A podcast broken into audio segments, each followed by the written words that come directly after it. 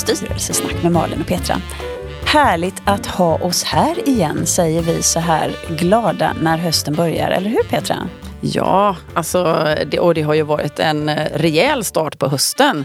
Det verkar som att många vill ses, det är mycket att göra. Så att eh, ja, det är härligt efter sommaren och, och kicka igång in i hösten.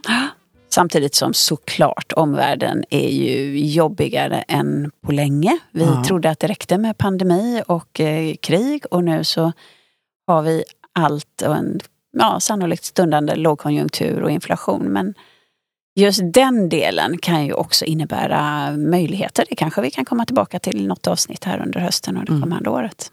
Eller vad mm. tror du? Mm. Absolut. Mm. Jag tänker att det är ju viktigt att belysa liksom hur styrelsen eh, hanterar liksom den typen av frågor och ge ett stöd för, för verksamheten. Så att det är väl ett högaktuellt ämne tänker jag. Mm. Mm. Och vi vill också börja med faktiskt Petra och tacka alla er som hör av er eh, och har lyssnat på vår podd och kommer med spännande förslag på personer och ämnen som vi ska behandla. Mm. Och idag så är vi extremt glada eh, att ha Eh, Clementina Österberg här. Eh, VD för GU Ventures sedan många år tillbaka. Och Clementina, du är ju en profil när det gäller startup, ventures, eh, extremt engagerad i, i Göteborgs och Västsveriges och, och Sveriges eh, startup eh, community får man väl säga. Eh, så att det ska bli väldigt spännande att få lära oss mer om dig. Välkommen hit Clementina. Tack så mycket Malin och tack så mycket Petra för att ni bjöd in mig. Mm. Det ska bli jätteroligt. Eh, och då tänker jag så här för att våra lyssnare då ska få en bild av vem du är och eh, relaterat faktiskt till det vi pratar om här. Och det är ju faktiskt just det här med styrelsearbete och bolagsstyrning och de frågorna. Hur skulle du välja att i så fall presentera dig och din bakgrund kopplat till det? Ja, det är ju, passar väldigt, väldigt bra för att man skulle kunna säga att som VD på G-Ventures är jag bland annat eller kanske framförallt styrelseproffs. Jag arbetar dagligdags i styrelser. Vi har 76 innehav idag i G Ventures och det är mitt jobb och mina kollegors jobb att vara aktiva ägare och styrelseledamöter i de flesta av de här bolagen. Mm. Och om man då lite grann tillbaka, nu sa ju Malin det här startup-världen. Eh, men liksom, och då är ni med och eh, startar de här bolagen med idégivare. Är det några speciella typer av branscher som ni fokuserar på och hur länge hänger ni med i de här bolagen? Mm. Precis, du har helt rätt. Vi är med och startar bolagen från början. Det är en av våra uppdrag från staten. Q Ventures är då ägt 100% av svenska staten och förvaltas av Göteborgs universitet. Vårt fokus är att hjälpa idégivarna att komma igång med sina företag. Alla branscher är intressanta. Eh, det är ju så, vi vet aldrig var innovation uppstår och det kan framförallt uppstå i en tvärvetenskaplig situation. Och ibland så är det ganska tydligt att det är en väldigt eh, intressant innovation för många branscher. Även om det uppstått i en bransch som man kanske inte tänkte på att oj, i en annan bransch så skulle det här kunna vara väldigt intressant. Mm. Så det är alla branscher. Och eh, i sak så betyder det också att vi kan följa med de här bolagen, se till att de kommer upp bra på banan, etableras, tar in mer kapital och växer. Mm. Och kan du beskriva den, alltså jag förstår att resan ser väldigt olika ut, eh, men, men hur, hur lång tid är det bara ni som är med och mm. när, när är man redo att liksom ta nästa steg? Precis, det är väldigt olika men kort och gott kan man säga att vi är med tillsammans med idégivarna först i kanske ett år. Um, och då förbereder oss för hur ska det här presenteras externt? Hur ska vi ta in en styrelse? Hur ska vi ta in personal? Hur ska vi ta in andra investerare? Och i det sammanhanget finns det naturligtvis objekt där vi har gått in relativt tidigt men ändå ganska snabbt klarat av det här arbetet och kommit ut ganska snabbt till externa investerare. Och i annat fall så har det tagit lite längre tid. Och det viktigaste i den här processen det är ju kunna gå igenom hur ser planen ut framåt? Vad är det vi ska sälja in till andra? Men, men jag tänker också lite grann, ehm, eh, kan man komma in, är, är det bara bolag som kommer ifrån akademin eller kan man komma från andra sammanhang också in till er som eh, idégivare? Man kan komma från alla möjliga sammanhang men det som vi just kräver eller har som ägardirektiv det är att vi ska ha en koppling till Göteborgs universitet och då ska det vara en koppling till Göteborgs universitets verksamhet. Så exempelvis är ju majoriteten av alla idéer vi tittar på från forskningen. Ett fåtal är från studenterna och andra som universitetet samarbetar med. Och sen kommer det en hel del företagare som kontaktar oss som är helt utanför universitetet men som vi ser skulle kunna ha väldigt stor nytta utav att samarbeta med en forskare. Och eh, vi har ju lite en preferens och förkärlek för det som gör att vårt samhälle blir mer hållbart och att eh, folk botas från sjukdomar som ingen har kunnat bota tidigare. Och I alla de här sammanhangen är det ju väldigt eh, viktiga projekt tycker vi. Så att vi är väldigt måna om att helt enkelt hitta då forskare inne på universitetet som kanske själva både forskat på det här ämnet eller skulle vilja forska på det ämnet. Mm. Det stärker ju företagen i slutändan för att då får de ju mycket mer vetenskapliga bevis. Mm. mm. Men jag tänker så här, du nämnde ordet ägardirektiv här och då tänker jag det är ägardirektivet för er på GU Ventures tänker jag. Hur, hur, tidigt pratar ni ägardirektiv i när man startar bolag som mm. en del utav styrmekanismen och tydligheten i vad man vill? Mm. För när ni sedan ska attrahera andra investerare så är ju det, ska man väl ändå på något sätt ansluta sig till någon form utav tanke från början i ett ägardirektiv. Hur, hur resonerar och tänker ni där? Vi, vi tycker att ägardirektiv förstås är grunden egentligen till allt om man säger så. Vi pratar mer förväntansbild då i en mm. första ägardirektiv. Vi har någonting som vi kallar förväntansmötet med våra idégivare. Där vi går igenom vad man faktiskt i slutändan vill att detta ska landa i. Det kanske inte är så mycket tydliga kommersiella mål utan en förväntansbild. Mm. Sen när externa kommer in, då diskuterar vi mer den formella situationen. Hur ser faktiskt ägardirektivet ut? Och i väldigt många fall så blir det också att det spiller över in i aktieägaravtal. Och det är ju ett krav vi har att alla skriver på våra aktieägaravtal och våra saminvesterares aktieägaravtal. Mm. Men eh, och då tänker jag så här, för vi pratar ju ganska mycket det här med investeringar och att man liksom ska attrahera kapital. Är det så i alla era bolag att tanken är att de ska växa och behöver kapital? Så det är liksom Precis. är med i, liksom i, i, från början att det är så man faktiskt också finansierar bolagen? Och det är egentligen både helt rätt och samtidigt så har vi naturligtvis några undantag. Mm. Undantagen som bekräftar regeln som det heter. Och eh, först och främst så är det så att idéerna vi tittar på har ju de förutsättningarna som kommer utifrån att det här kanske är en teknologi ingen har testat tidigare. Eh, det är ingen som har skalat upp den. Vi vet inte egentligen hur den kommer utvecklas framåt. Vi vet inte ens om den kommer fungera mm. framåt. Den kanske fungerar nu i labbskala eller i möjligen i en viss situation men kommer den fungera i verkligheten? Det gör ju att det oftast tarvas mer kapital än att bara gå ut till kund. Sen försöker vi naturligtvis ändå jobba väldigt nära potentiella kunder, att starta pilotprojekt tillsammans. Just för att bevisa, kan det här funka i den miljön? Eh, men i syst och Siemens så finns det naturligtvis bolag som ganska snabbt kommer igång och inte behöver mer kapital och då är vi klart, vi är ju mer glada än, mm. än någon annan för att eh, det betyder ju då att de faktiskt behövs där ute på marknaden och de kan ta sina steg. Du, jag tänker på det här förväntansmötet. Jag tyckte det var en trevlig eh, term och jag förstår att det är många av dina medarbetare som tar dem, att du inte tar alla så. Men, men givet din erfarenhet, um, vad eh, dels så, så undrar jag lite grann att kan du med den erfarenhet du har, kan du bedöma rätt så snabbt att ja, men det här kommer bli riktigt, riktigt bra. Det här kommer bli, ja, det här kan flyga och så. Det är den ena delen av frågan och den andra delen är vad är det som är viktigast för att det ska bli riktigt, riktigt bra? Är det personen eller idén? Ja, väldigt bra fråga. Skulle jag nu då ransaka mig själv så är jag ju så att som person så avgör jag väldigt, väldigt fort om det här är något bra eller inte. Men på samma sätt så har jag en personlighet som gör att det blir vad man gör det till. Så att jag kan, jag kan ju tycka att en idé är väldigt intressant. Kan vi göra något riktigt bra utav det? Och då har vi ju egentligen väldigt stor makt och påverkansmöjlighet i att vem tillsätter vi i styrelsen? Vem tillsätter vi som VD? Det vill säga, man kommer inte till oss och måste servera oss vid ett dukat bord. Det tycker jag är viktigt också vi säger till alla våra entreprenörer och idégivare. Man kan komma till oss med en idé och sen så dukar vi bordet tillsammans. Så i det här förväntansmötet så lyssnar vi ju av, ja hur är idén? Eh, och då brukar jag vara väldigt snabb och det är lite synd och eh, man ska inte vara det. Kanske. Ehm, men då brukar jag känna, kommer det här flyga eller inte? För precis som du säger, har man väl tittat på idéer under så här många år och nu har jag jobbat mer än 25-30 år i den här branschen, även innan GU Ventures, då, då lär man sig lite vad som funkar. Och sen är man hela tiden, har man örat mot rälsen. Varenda gång våra 70 bolag går ut och skaffar pengar, träffar kunder, eh, träffar industrin för samarbetsmöten, så fattar man vad är det som tickar där ute.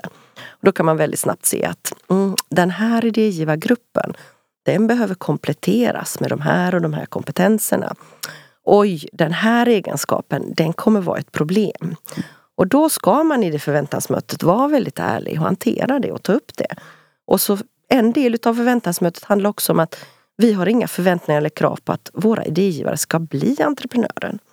Är man jätteduktig, man brinner verkligen för det, klart att man kan få chansen att vara med i en ledningsgrupp. Men oftast är det inte forskaren som kanske blir VD. De blir oftast huvudägare, de sitter med i styrelsemöten, de är med som styrelseledamöter.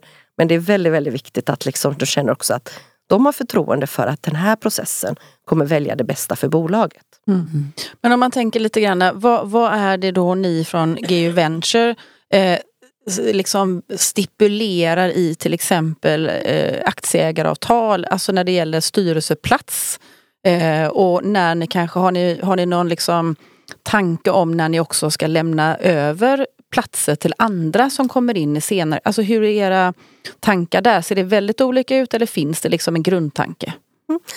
Eh, det finns en grundtanke och vi kräver alltid styrelseplats själva. Eh, ibland har vi till och med två platser. Eh, vi och kanske idégivarna, vi vill ha en balans där. Och sen så vill vi ha kanske två platser till externa. Mm. Helt oberoende ledamöter. Och sen kommer nya investerare in och då förändras lite den bilden så då förhandlar man om aktieägaravtalet. Oftast då går vi ner till en plats och ibland lämnar vi styrelsen helt. Mm. Så vi ska vara med i den tidiga fasen tills andra kommersiella krafter kommer in och tar över och tar nästa stafettpinne. Mm. Och jag kom faktiskt på nu att svarar jag verkligen på din fråga där Malin om vad jag tror på mest? Men det kanske jag gjorde för det handlar ju mm. någonstans om att eh, de personerna vi tar in är ju jätteviktiga men de är också utbytbara. Det är ju så, styrelsen mår ju också bra av ibland att få in nytt blod. Så att därför så måste jag ändå svara, om, om jag inte gjorde det, att det är ju idén i grund och botten vi tittar på. Mm. Kan den patenteras? Hur unik är den? Vi vill inte starta företag där det finns redan konkurrenter i vårt närområde som kommer göra att det är ju, man ser inte vad är unikt här. Då, då, kan man kanske starta det företaget själv då. Då är inte vi som statlig aktör och en statlig resurs som på något sätt ändå skattebetalarna dragit igång en gång i tiden. Det är inte vi som ska göra det jobbet. Mm. Och i ert uppdrag ligger det att ni ska tjäna pengar på det här? Ja, det gör det. Mm. Vi har ett avkastningskrav men där faktiskt ägardirektivet eh, i sak inte har stipulerats från regeringen. Utan det har tagits fram i samråd med Göteborgs universitet. Mm. Och eh, jag tycker också att universitetet har varit väldigt bra på att lyssna av både sina forskare och hur vi vill arbeta, hur vi ser på risk. Hur vi ser att vi har en roll och som vi kallar oftast marknadskompletterande roll i tidig fas. För det är inte så att det dräller med investerare i tidig fas som vill gå in i idéer som inte är prövade. Och kanske särskilt inte i vissa konjunkturcykler. Mm. Men jag tänker också det här med Om du skulle lite grann sammanfatta då alla de här bolagen som du och ni har varit med liksom att starta och finansiera och kanske till och med, nu säger du, hur många sa du innehavet var ungefär? 76? Idag är det 76 ja. och vi har startat över 240. Ja, exakt. Då. Mm. Så några är ju inte med i portföljen längre då. Eh, skulle du kunna liksom någonstans sammanfatta när det gäller alltså styrningen av bolaget, vad som har varit framgångsfaktorer som ni också bär med er liksom i de, fram, alltså de bolagen som ni tar in nu och framåt. För att ni har lärt er massa saker. Men de här grejerna måste vi ha på plats.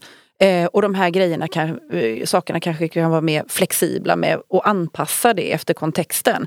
Kan du på något sätt sammanfatta mm. liksom den här långa erfarenheten kopplat till styrningen och styrelsearbete och bolagsstyrning? Vad det, det var vara. jättelätt.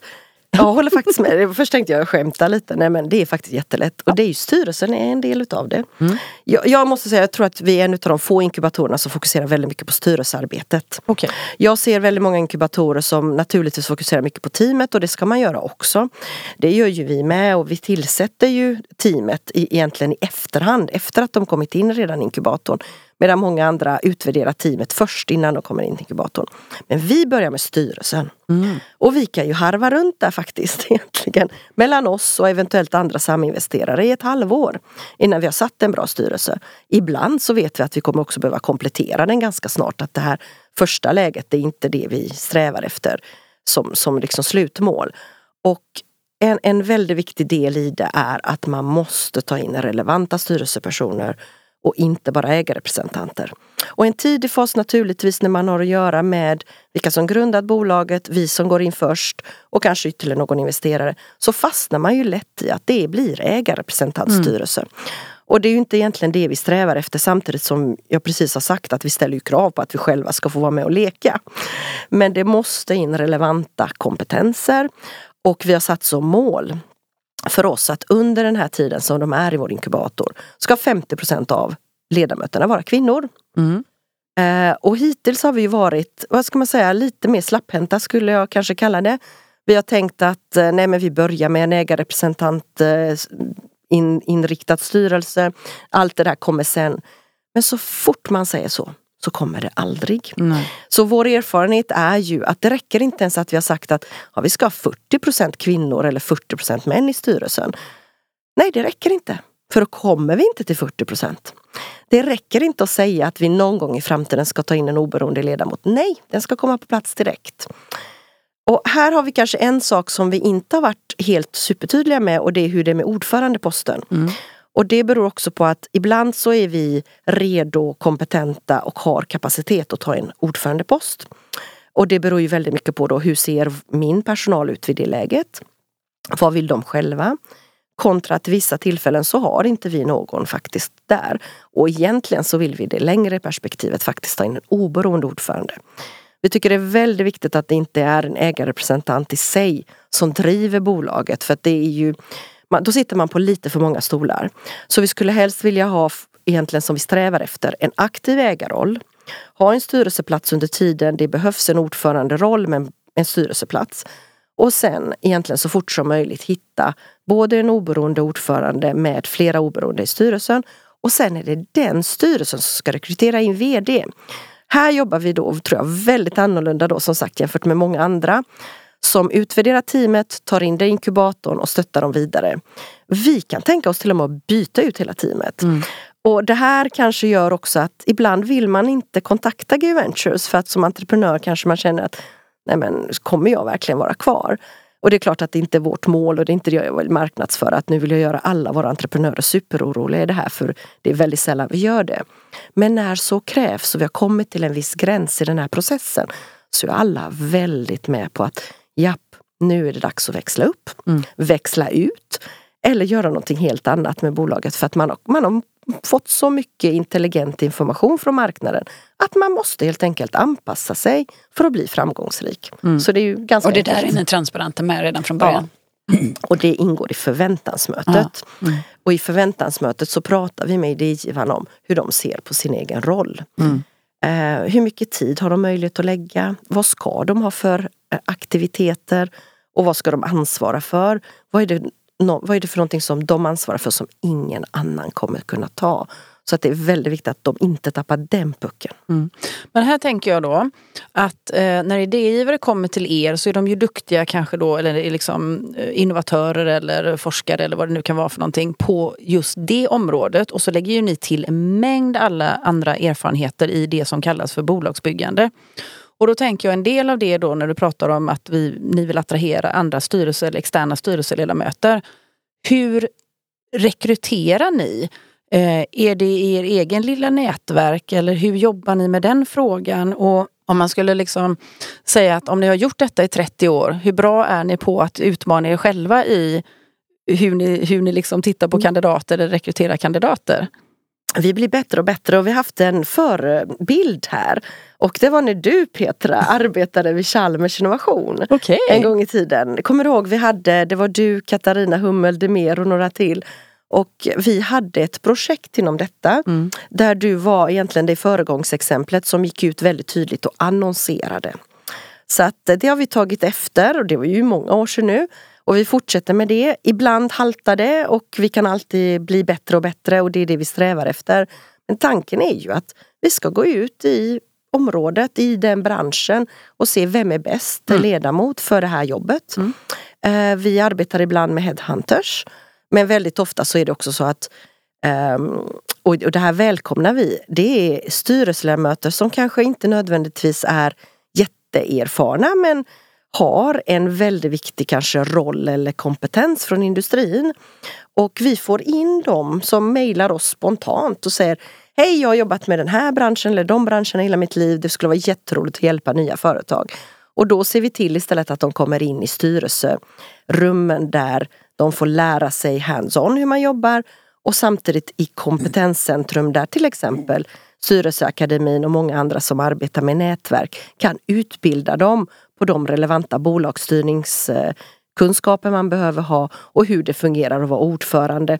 Där då också flera utav dem har ju gått eh, utbildningar som är jätteviktiga mm. för att de ska kunna bli bra styrelseledamöter. Mm. Så vi får ett stort inflöde. De här de, mm. de oberoende ledamöterna, och jag tycker det låter jättebra. Um, men de är inte investerare. Nej, precis. Vad, är de där för att de vill göra gott? Ja. Eller? Ja. De vill lite payback och pay it forward. Mm. Och det gillar vi mycket. Och de ser ju också att det är en karriärgrej säkert för dem själva. Och det uppmuntrar vi med för att jag tror att ju större och bredare styrelsekompetens vi får i vårt land, desto bättre kommer det gå för alla våra bolag. Mm. Så att eh, vi känner ju att de oberoende ledamöterna har vi ju själva ett ansvar för att få in i den här kretsen och få dem att bli utbildade. Samtidigt som vi tycker att alla nya perspektiv berikar. Och ibland naturligtvis så kan någon ledamot bli så pass intresserad att de direkt säger men jag vill investera också. Uh, och vissa investerar inte bara för att det inte är därför de är där. Mm. Uh, och samtidigt är det bra för att då har man också ganska tydlig integritet med att man hör inte ihop med bolagets alla ägare på samma sätt. Så att det kan vara lite olika. Mm.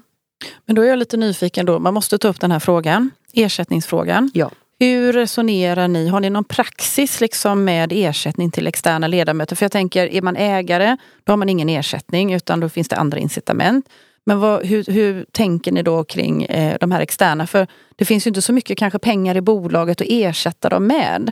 Så finns det någon praxis där? Ja, och den praxisen har också förändrats genom åren för att eh, vi hade ju arvoden lite mer kanske frekvent innan reglerna ändrades mm. så att man inte fick fakturera och då tog det lite hårt på oss måste jag säga.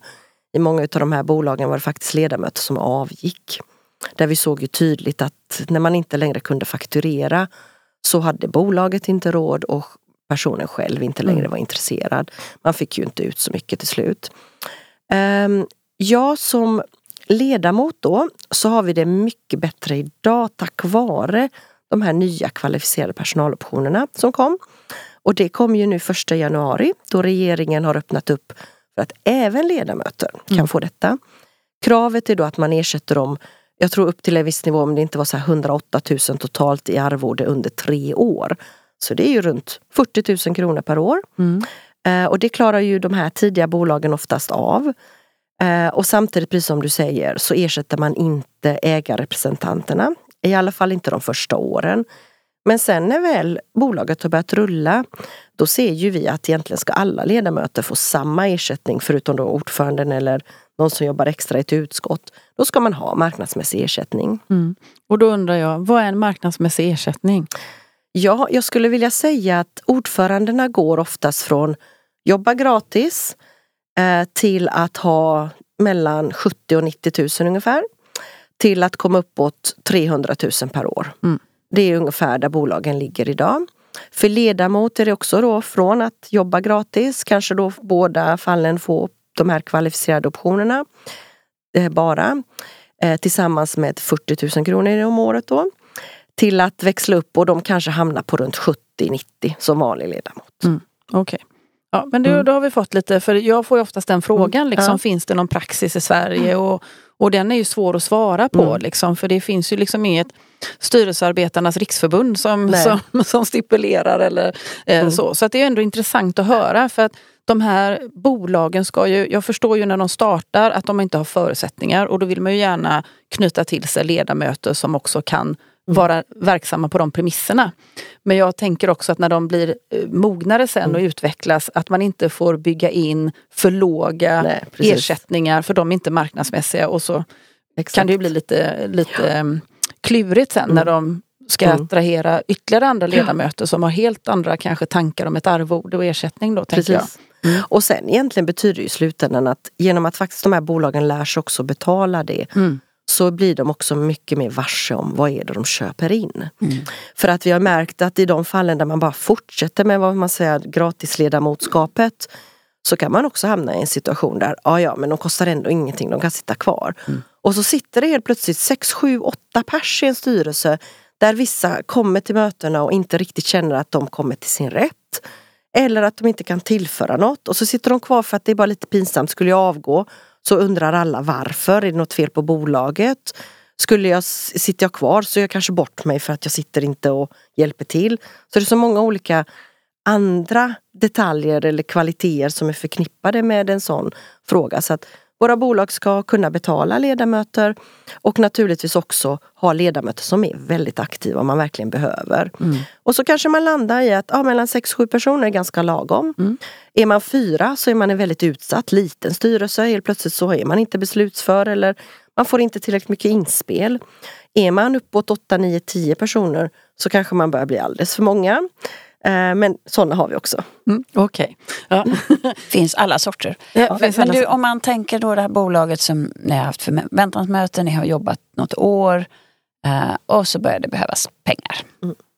Hur, ur ert Giventure, hur, hur stor andel äger ni? Det är väldigt olika med allt mellan 3 till 43 procent är ganska normalt. Mm. Så ibland är vi rätt stora ägare.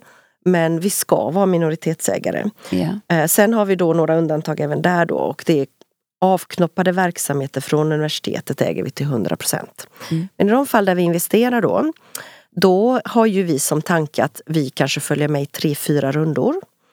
Eh, första rundan kanske 300-500. Eh, oftast 300 för att inte satsa för mycket tills vi vet vad exakt det här kommer landa i.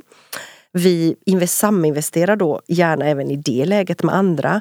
Men vi är lite mer tillbakadragna för att inte dra in andra pengar som kanske inte vill ta samma risk. I nästa läge vi kanske går in med 500 till när vi tar in kanske 10 miljoner eller 3 miljoner i företaget. Och i sista rundan kan vi gå in kanske med 500 till eller en symbolisk hundralapp. Bara för att då kommer vi göra en runda på 50 miljoner och vi vill mer bekräfta att vi fortsätter att tro på bolaget men det är inte riktigt vår statliga roll mm. att lägga majoriteten av vår satsning där. Då finns det andra som har det, den uppgiften. Och det här när ja, man behöver pengar men, men är, är vem som helst välkommen höll jag på att säga. Hur, hur mycket synpunkter har ni på vilka andra ägare som ska in eller investerare? Mm, till en början, jag minns ju verkligen den tiden eh, och det är också olika konjunkturer. Mm, vi välkomnar egentligen alla. Eh, samtidigt har det ju mer eller mindre tajtats ner genom åren. Eh, ju fler som är intresserade desto större valmöjligheter har man. I vissa konjunkturer har man inte så mycket valmöjligheter. Så vi är rätt så flexibla men det, det tenderar ju landa i att de som vi saminvesterat med många gånger saminvesterar vi gärna med igen. Eh, men jag, jag, tycker ändå det är viktigt att säga att vi välkomnar alla nya investerare. Och det här är också ett bra sätt att lära sig. Hur kan man agera? Ehm, och vi hjälper till att vi, liksom, även i det sammanhanget då, att de får lära sig i den här kretsen. Och att viktigast där är dialogen med alla ägarna, att alla är insatta i vart är vi på väg, hur ser planen ut? Och där får ju vi erkänna, där tar ju väldigt många rygg på oss. Mm. Och det är också en roll som kommer med ett ansvar. Det är att vi verkligen vet att så här stor risk är det, så här mycket kan vi misslyckas. Men så länge man har tydlig dialog och alla vet vad de går in i Eh, så, så är det ju fine. Och vårt mål är ju att öka antalet affärsänglar och investerare i tidig fas. För gör vi inte det, då ser vi att det är en stor broms på hela den här, liksom, ska man säga, innovativa kraften som ska ut i samhället. Och då är ju vår roll inte att satsa på alla företag som kommer fram. Det är jättemånga företag som bara kan börja direkt kontakta kund och tjäna pengar. Det är inte där vi behövs. Vi behövs där vi har tunga teknologiska språng som man liksom inte kanske ens vet hur man ska använda. och man ska skala upp det och det för att det ändå bevisat sig så pass bra i forskningsmiljön eller i andra tester att det är riktigt bra. Och då klart, då behöver man investera också som kan fatta att det är det vi är inne i och det här kommer kräva pengar. Så att eh, flera affärsänglar vi jobbar med i början satsar mellan allt från runt 100 000 till någon miljon. Eh, och vi vet att de kanske satsar en eller två gånger och de inte kommer med nästa gång. Men det är också då vi ska göra bolaget färdigt för att kunna ta in riskkapital från VC-fonder, så kallade venture capital funds eller andra investmentbolag. Då växlar vi upp. Då ser vi till också att några av de här änglarna faktiskt kan gå ur. Så att de kan sälja sina aktier. Eh, och sen då är det ju nästa steg därefter. Eh, och så har vi ganska, varit själva då ganska snabba med, vi, Lund och ytterligare några sådana här innovationsmiljöer har varit snabba med att gå ut med våra bolag på börsen. Det är ytterligare nästan en egen podd. Mm. Ja. Hur många bolag har ni noterat av de här 240? 15. 15, det är rätt så mycket att, det. Eh, utav 240 bolag totalt så är 140 verksamma idag. 15 eh, utav dem är noterade så man kan säga att 10 är noterade och 90% är inte det. Och 90% av de verksamma har då tagit in privat riskkapital och tänker förbli privata så länge som möjligt. Och sen är det några som ändå känner att en väldigt fin exit är ju just att göra en eh, börsnotering. Jag tänker om vi hämtar hem frågan lite grann till styrelserummet ja. igen. Eh, för det är ju jätteintressant att höra om verksamheten och vi, både jag och Malin är nyfikna på, på andra saker runt mm. omkring. Men jag tänker för våra lyssnare så tänker jag om man nu tar liksom det här tidiga skedet praktiskt hur ser styrelsearbetet ut? Vad är det ni lägger för alltså vad är det ni lägger tiden på tidigt skede? Och jag antar att det förändras när man tar in affärsänglar och, och andra ägare så småningom. Och där de kommer kanske med sina eh, filosofier och tankar om hur det här ska eh, gå till och hur ni också behöver då adaptera till det kanske. Och sen så pratar vi om då de här bolagen som till och med går till noterad miljö där vi vet att regelverket också sätter helt andra krav. Eh, kan du på något sätt lite praktiskt bara beskriva? Ja, liksom? Gärna. Och du har helt rätt, det förändras ju med tiden. Och vi ser och märker och vi vet och vi vill förbereda våra ledamöter på att den första perioden är väldigt mycket nästan lika likhetstecken med en ledningsgrupp. Och det vet ni också, det är ju eh, inte konstigt. Man blir ju väldigt nära ett litet team. Man kanske är då fyra, fem i styrelsen och två, tre i teamet. Så att det är inte konstigt att det är där man börjar. Och eh, då träffas styrelsen relativt ofta. Eh, styrelsen är relativt... Vad innebär relativt ofta? Kanske åtta gånger per år. Mm. Då är styrelsen också väldigt mycket mer involverad i den dagliga verksamheten man använder väldigt mycket farfarsprincipen. Nu ska vi rekrytera in den här till den här positionen. Kan styrelsen vara med och träffa den? Mm. Så att eh, det är mycket mer hands-on. Men då är det inte eh, regelrätta styrelsemöten eh, per Nej. se utan då är det så mycket, mycket andra, andra typer av möten. Mm. Exakt. Eh, och själva, och då, där är det viktigt då att skilja på när fattade vi beslut och vad mm. protokollförde vi? Kontra två, tre andra var bra bollplank någonstans. Sen kommer man upp i nästa nivå, precis som du sa, när nya ägare kommer in. Och där är det ju också, det är ju i det fallet de flesta oberoende ledamöterna faktiskt tar plats i styrelsen. Och inte så många då av ägarna. Och i det perspektivet är det viktigt att inte glömma bort att sätta just bolagsstyrningen. För att då känner vi att det är i den stunden de externa ledamöterna, även vi och våra ledamöter, måste kunna hålla i någonting under tiden man jobbar. Så att man vet vad det är för roll man har, vad är det man gett sig in i. För nu är det inte längre en ägarrepresentant i styrelsen som lite faktiskt kan göra lite olika saker i ett möte. Utan nu, gäller, nu håller vi stringensen. Eh, och sen är ju så att när vi väl börsnoterat då är det ingen förändring tycker jag. För att det som krävs av börsen behöver vi tillse redan innan egentligen långt innan. De hygienkrav börsen har eh, ingår i vår bolagsstyrning. Så att det är det vi måste förbereda våra bolag att de kan noteras när som helst. Men det är inte att målet blir att noteras utan för alla de ägare och investerare som vi har i ägarkretsen så måste de också se att styrelsearbetet fungerar professionellt. Mm. Och det är det här med att det ska finnas rele relevanta kompetenser. Men då tänker jag så här, bara för de som är okunniga kanske då på den här resan, om du bara kort skulle beskriva mm. liksom, vad är det ni gör så att de är eh, fähiga för liksom, den publika miljön mm. tidigt, som du säger, skiljer sig mm. åt från det här kanske första stunden. Alltså om du mm. skulle förklara för någon utomstående som inte har varit med om det, mm. vad särskiljer då? Alltså egentligen så är det ju så att eh, det som börsen kräver det är att man är kompetent styrelseledamot utifrån aktiebolagslagen, Svensk kod för bolagsordning, att man har koll på allt den formalia en styrelse behöver ha. Eh, att man vet hur man håller konstituerande styrelsemöten, vad man ska göra vad gäller firmateckning. Hur är det man hanterar attestordningar? Hur arbetar man med kommunikation så att man har en kommunikationspolicy och en så kallad IR-policy, Investor Relations Policy. Vem är ansvarig för att uttala sig från bolaget? Hur skriver vi pressmeddelanden? Hur mycket ska styrelsen tycka till om det innan? Det är hela vägen ner egentligen till 90 gritty där ledamöterna ska vara bekväma i att detta gör den här vdn, detta gör den här kommunikationsansvarige och det här faller på mig som ledamot. Mm. Och i, i, egentligen också i det här fallet naturligtvis är sekretessen eh, IT-hanteringen. Eh, cyber security har blivit väldigt mycket mer på tal om idag.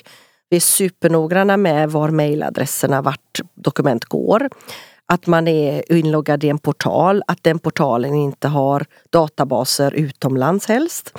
Att, eh, att man helt enkelt eh, har lösenordsskyddade dokument. Hela den här hanteringen, att man kan inte slarva någonstans. För det kvittar egentligen om det är en stackars aktiesparare eller en fond, eh, eh, sjätte AP-fonden, eller om det är en, en venture capital-fond som råkar ut för någonting som styrelsen tabbar sig på. Alla ägare skadas lika mycket. Mm. Och vad du egentligen säger här Clementina är väl att, att det här handlar om att skapa ordning och reda men en kultur Exakt. tidigt. Mm. Eh, så att Mm. Att det inte är ett stort steg när man står inför Exakt, en notering. Eller för då så, är det utan gör, jättejobbigt. Ja, då blir det ett väldigt ja. stort steg. Ja, men gör man liksom rätt mm. från början och har ordning och reda mm. och, och gör det som, som vi ibland säger är tråkigt men, men som är sånt som vi gör för att det ska bli bra. Exakt. Du, jag funderar också på, för du, du är ju själv eh, väldigt erfaren som både styrelseledamot och styrelseordförande i, i olika typer av verksamheter. Um, jag, jag, tänker lite grann att kan inte du dela med dig lite hur, hur ser du att en bra styrelseledamot och en bra styrelseordförande fungerar? Och följdfrågan på det är ju, eh, skiljer det sig väldigt mycket om du ser den här resan era bolag gör? Alltså är det, du, har, du har sagt att det blir mer ledningsgrupp och mer hands-on i början, men, men någonstans vad, vad, vad mm. kännetecknar en bra ledamot och en bra ordförande? Ja, först och främst att man är påläst och man är intresserad och man är engagerad. Man vill att det här ska gå bra. Och det säger sig självt, det är klart att man vill vara det. Man vill ju inte sitta i en styrelse och gå ut och förstöra för, för ett bolag. Då kanske man inte heller blir så långvarig. Men jag tycker att som ordförande i början kanske skiljer sig kontra vad en ordförande skulle vara lite längre fram. Mm. Och en ordförande i början måste vara väldigt hands-on. Den måste ha tid och eh, den behöver träffa VD många fler gånger än i ett annat större bolag. Jag jämför till exempel också med eh, vår egen styrelseordförande Thomas Andersson som är styrelseordförande för G Ventures och arbetar idag dagligdags på Volvo Car Group. Och Thomas är ju en, en, en fantastisk ordförande ut i fingerspetsarna och är också väldigt aktiv. Eh, jämför jag då med hur vår roll är i bolagen så blir man nästintill ibland en skugg-VD. Och där är det väldigt viktigt att en ordförande i tidig fas inte tar över helt och hållet vd-rollen. Men ändå är stöttande. Men då behöver vdn ha så mycket mer hands-on hjälp. Så att en bra ordförande i det läget kanske inte ska vara rädd för att kavla upp ärmarna. Mm. Men ändå kunna lämna över det operativa beslutet till VD. Det är väl så jag skulle vilja beskriva en riktigt bra ordförande. Samma egentligen med en ledamot. Uh, och vad jag märker också i tidig fas kontra lite senare fas det är ju att styrelsen är väldigt duktig ibland på att tänka ah men nu kom vi på det här, nu måste vi ge vd uppdrag att ta fram någonting nytt. Och det här är ju egentligen i tidig fas en jättejobbig situation för vd. Som måste i princip, alltså den här personen utgör både reception, ordermottagning, fabrik och produktion och försäljning. För leverans och service, alltså man tänker ur ett företagssynvinkel, den, den utgör allt. Men jag tänker ju där, alltså, eh, jag, vi pratar ju ofta om det här liksom med att styrelsen måste ju värna om bolagets resurser. Man måste ju mm, alltid mm. balansera mm. vad styrelsen efterfrågar både när det gäller underlag och information och, och göranden Exakt. med vad det faktiskt har för eh, verkningsgrad och effekt. Mm. Liksom. Och sen eh, tänker jag också, för det här har vi ju varit inne inne på, på tidigare också, att, att, som jag tror att vi alla tre här mm. gör. Att om man som styrelseledamot eller styrelseordförande i ett styrelsemöte känner att men det här skulle vi vilja veta mer om. Då får man ju börja med att fråga, mm. hur ser ni på det här? För det är också, som styrelseledamot så är det väldigt lätt, precis det mm. du är inne på Clementina, som du säger också Petra, att, att ja, men vi ber om en utredning ja. eller vi ber om en rapport. Men antagligen så har bolaget redan någonting. Så att eller så har de inte alls resurser att ta fram. Eller så har de inte resurser, men, men mm. någonstans att fråga vad de har för att kolla Helt upp rätt. det här. Mm. Och att känna den mm. nivån är viktigt. Men, men, det jag tänker på, liksom att, nu pratar du om tidigt skede och, och, och liksom, jag vet att du finns i andra mm. sammanhang och, och, och, så, men jag möter ju det även i senare ja. skeden. Att vdn Precis. väldigt länge är väldigt mycket olika saker och att man är nästan lite anorektisk på mm. stödresurser.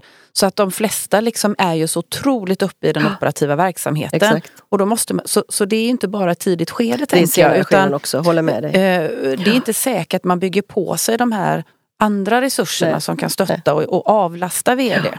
Jag bara tänker så. Jag tror mm. det är jätteviktigt att som styrelseledamot att man är medveten om att den beställningen man gör betyder ju att parallellt med att man med ena handen önskar få mycket saker levererat så går det ganska mycket nya konsultuppdrag till VD och det här måste kanske ibland läggas ut. Och med andra handen så vill man hålla stenhårt i kostnadsbilden och det här ibland inte riktigt lirar ihop. Så att som ledamot behöver man bara förstå att eh, nu är det den här frågan vi diskuterar och nu är det det här vårt lilla bolag har möjlighet att lösa. Sen om du eller någon annan i styrelsen tycker att det är en annan viktig fråga, vi kanske ska ta det i ett annat forum. Man kan diskutera det med ägare, man kan diskutera det i olika nätverk, i branschorganisationer. Men att eh, man fokuserar och det är ju liksom det som är det viktiga. FFF, fokus för, för fan. fan. I de här bolagen för att annars kommer vi inte vidare. Vem var det som sa det? Kommer jag vet det? inte. Sören från Chalmers. Kanske. Ja. Sören Sjölander, ja, professor. Ja. Mm. Men, men jag tänker bara det att också när ni eftersom ni är så aktiva också då att sammansätta styrelser och att ni kanske förmodligen har mer kunskap om vad en bra styrelseledamot och kan utvärdera styrelseledamöter så tar ni oftast den rollen. När det har gått lite fel i rekryteringen och ni märker när någon har kommit in och det blir inte så bra. Mm. Eh, då antar jag att ni är också ganska aktiva i att att mm. ta, ta tag i det? Eller hur? Ja det försöker vi vara men jag måste erkänna att ibland så är, blir det liksom så här att man är man borde vara mer sann än god men man gör tvärtom, man låter det hänga kvar lite och det är då man märker också vilka allvarliga konsekvenser det får lite senare när personer då själva inte börjar må bra i eget styrelsearbete eller när bolagen känner att men vad i helskotta sitter mm. den här personen här och säger. Mm. Och eh, det är klart att då är det viktigare egentligen för allas skull att man tar tag i situationen direkt. Och att man inte är rädd för att folk får avgå. De får begära eget utträde. Mm. Det är jätteenkelt. Mm. Eller att vi helt enkelt håller snabb en extra stämma och tackar av mm. vederbörande på ett snyggt sätt. Och inte glömmer bort ändå hur mycket den här personen har betytt mm. för det här. Och den här historiebeskrivningen är vi också viktiga i tycker jag då för att vi har ju sett bolaget utvecklas från dag ett. Och att man har med den här att ja, den här ledamoten kanske nu har tjänat sitt syfte. Men vi kan ju återanvända den i vårt nya bolag någon annanstans. återbruk Sen, alltså? Återbruk ja. Vi jobbar jättemycket med återbruk. Både på vd-nivå, på styrelsenivå, investerarnivå, eh, service provider, alla nivåer. Men det viktiga här du sa, vad händer då om en person verkligen felrekryterad, att det inte riktigt fungerar? Och eh, det är ju oftast då det är svårt att ta tag i det. Eh, vi är ju tio affärsutvecklare på G-Ventures eh, förutom mig. Och alla de tio ansvariga då för sina bolag så de ropar ju på mig ofta då när de känner att nu är det någonting som där jag kom, behöver komma in.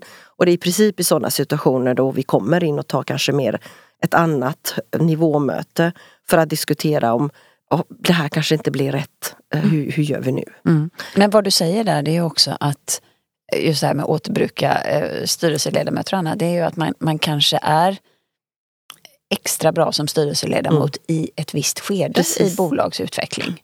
Och att, inte att så man bra liksom hittar sin, sin, eh, sin, Exakt. sin eh, roll.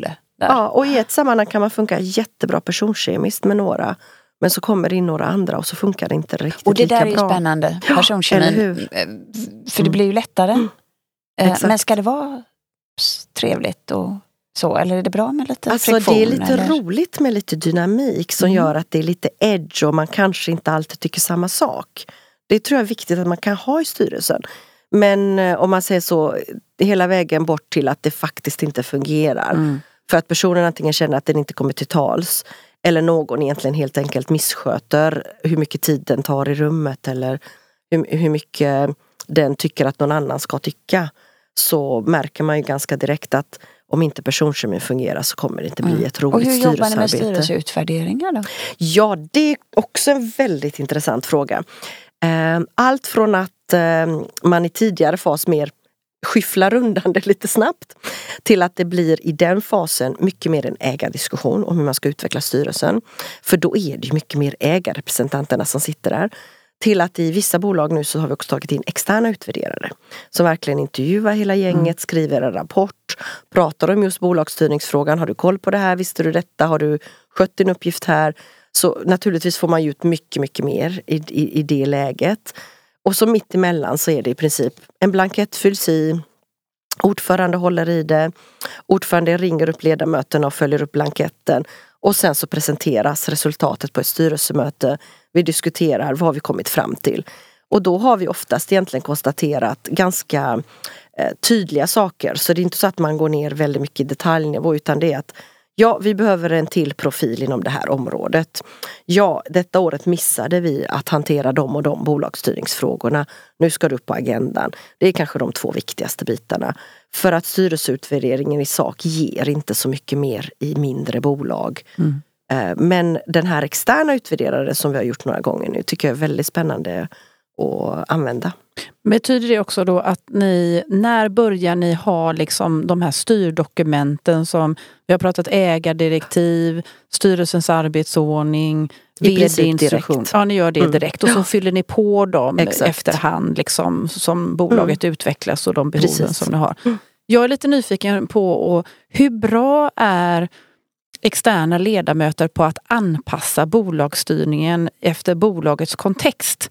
För kommer man in och har erfarenhet från andra bolag Mm. eh, så är det ju lätt att man vill applicera det på sitt nästa styrelseuppdrag och inte vara så lyhörd i vad det bolaget faktiskt behöver. Det, är- det är en introduktionsperiod kan man säga som faktiskt lider lite av de svårigheterna.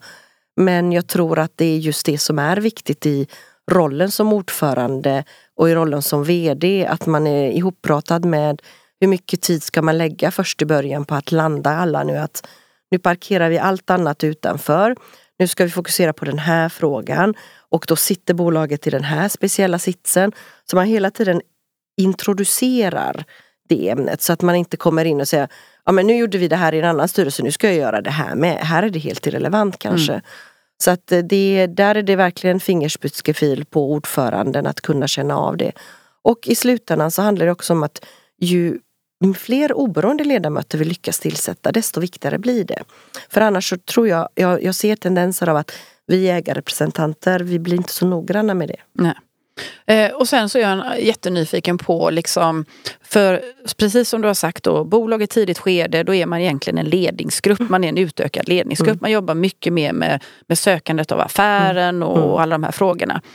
Eh, och de är ju strategiska i den fasen om man säger så. Men om, om, om vi säger liksom att styrelser allmänt ska jobba mer strategiskt jämförelsevis då den operativa verksamheten och, och, och ansvara för, för höjden i den och bidra till det.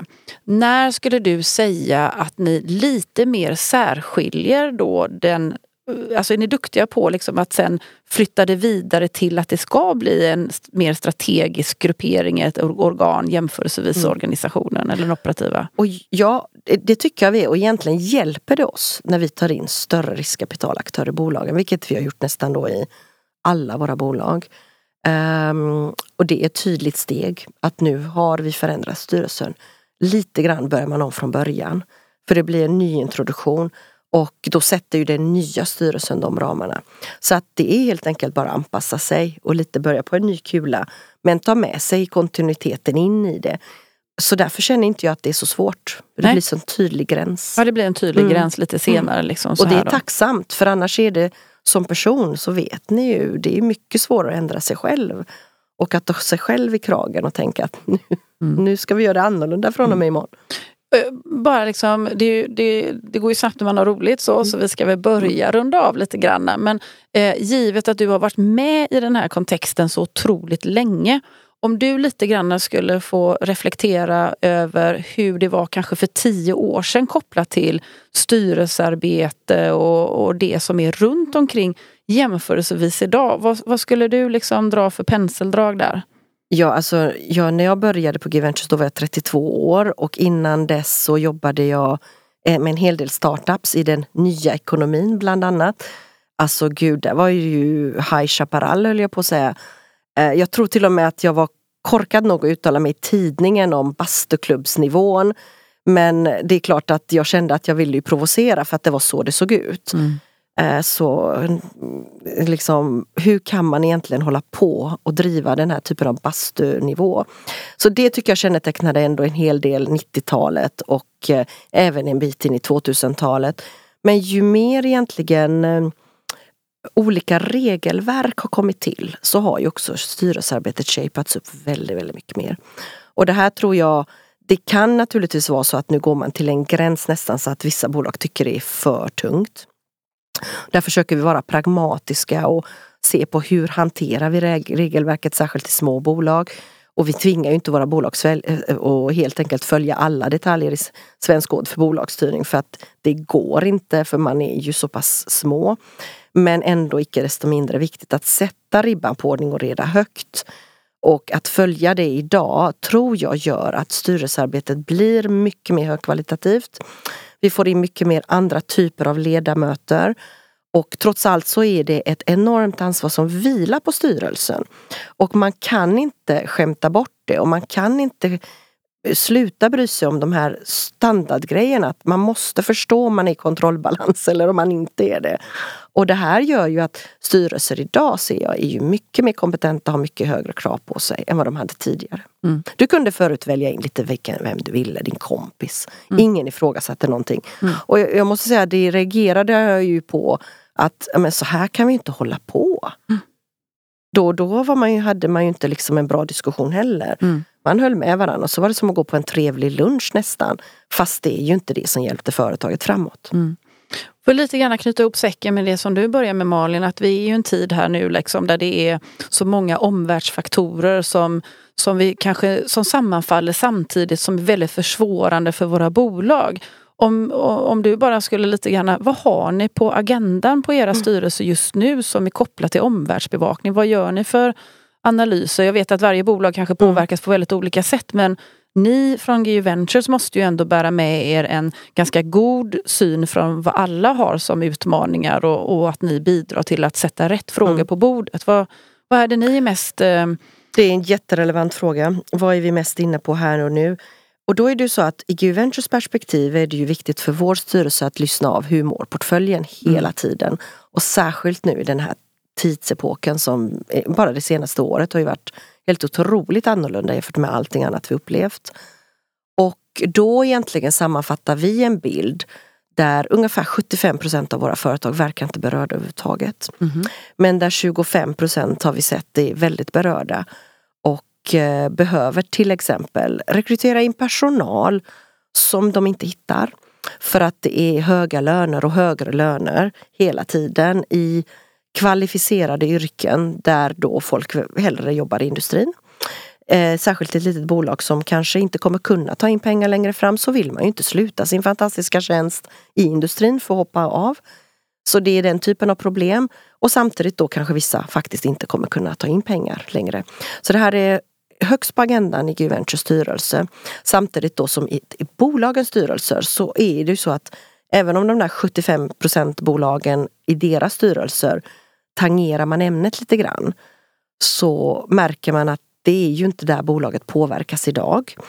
Eh, och det är svårt ser jag också för de ledamöterna som kommer in med hull och hår från en hög inflation, räntan höjdes, det finns inga pengar på stan. Oj, ni tog in en miljard precis. Hoppsan svejsan, nu, vad bra! hur hur hände det? det? Mm. Så att det, det, det är ju det här som man, man, man lever i en värld och så kommer man in i en styrelse och möter en annan värld. Och här gäller det ju precis för de här nya energibolagen att eh, de har ju så oerhört mycket framför sig nu som gör att de kommer kunna tälja guld med täljkniv snart. Eller bolag där det är fantastiskt viktiga affärsidéer för vårt samhälle men inte en kotte vill investera i dagsläget. Mm. Och hur gör man då för att snabbt stänga ner, inte förlora sina patent, inte behöva säga upp alla anställda, kunna behålla en, en fortfarande fungerande styrelsearbete. Mm. Den ledamoten har idag ganska ont i magen. Mm. Men jag tänker ändå, ni som har varit med ett tag och ska hjälpa bolagen ändå att jobba med liksom det korta, det medellånga och långa perspektivet mm. så säger du att de upplever kanske vissa idag att de inte har eh, påverka så himla mycket. Men någonstans så vet ni ju inte när börjar Nej. de på. Så det här med att liksom titta på olika scenarier och hjälpa dem ändå att lyfta blicken. Mm. Eh, tänker jag är ett viktigt jobb ja. som ni ändå har. Ja. tänker jag. Mm. Det gör alla styrelser mm. ändå. Mm. Men så vissa sitter lite närmare problemet bara. Mm. Mm. Precis. Men okay. har ni en, en kompetens um, en möjlighet att, att, dela kompetens inom er? För ni måste ju ha ett jättenätverk av externa ledamöter och så. Jag, sitter och tänker lite grann mm. om när man lyssnar på den här podden. Mm. Alltså, dels så, så är det säkert väldigt många där ute som säger att oj, då ska jag räcka upp handen mm. och jag förstår mm. att man kan, kan kontakta Precis. och man kan söka. Eh, men finns det också något lärande inom, mellan er? Du, det var faktiskt en väldigt bra idé. Det har vi inte haft på länge. Men vi har haft tidigare där vi just samlat alla styrelserna Precis. i enskilda events där vi har just lyft upp viktiga frågor. Och det är helt rätt, det behöver man ha och särskilt kanske i en sån här, ett sånt här klimat. Det tänker jag verkligen, mm. just det här benchmark. Och, och, då ska vi stänga säcken ännu mer tänker jag, för det är ju precis därför vi gör den här ja. podden också. Det är ju att vi ska försöka eh, förmedla till flera det som andra upplever och, och som man kanske inte i normalfallet får till sig. Så att, eh, ska det bli slutorden för idag Malin och Clementina? Ja, kan inte ni göra det här, den här samordningen för oss och våra 76 bolag? Absolut, det tar vi Malin, eller hur? Ja, ja, börja nu. Ja, vi börjar nu. Stort tack Clementina för att du så generöst eh, delar med dig av erfarenheter och svarar på våra frågor. Eh, tydligt och bra tänker jag för våra lyssnare. Eh, tack Malin för den här, eh, det här avsnittet, den här omgången. Tack Petra. Och tack våra lyssnare för att ni lyssnar på oss och så ses vi snart igen. Hej då! Hej då!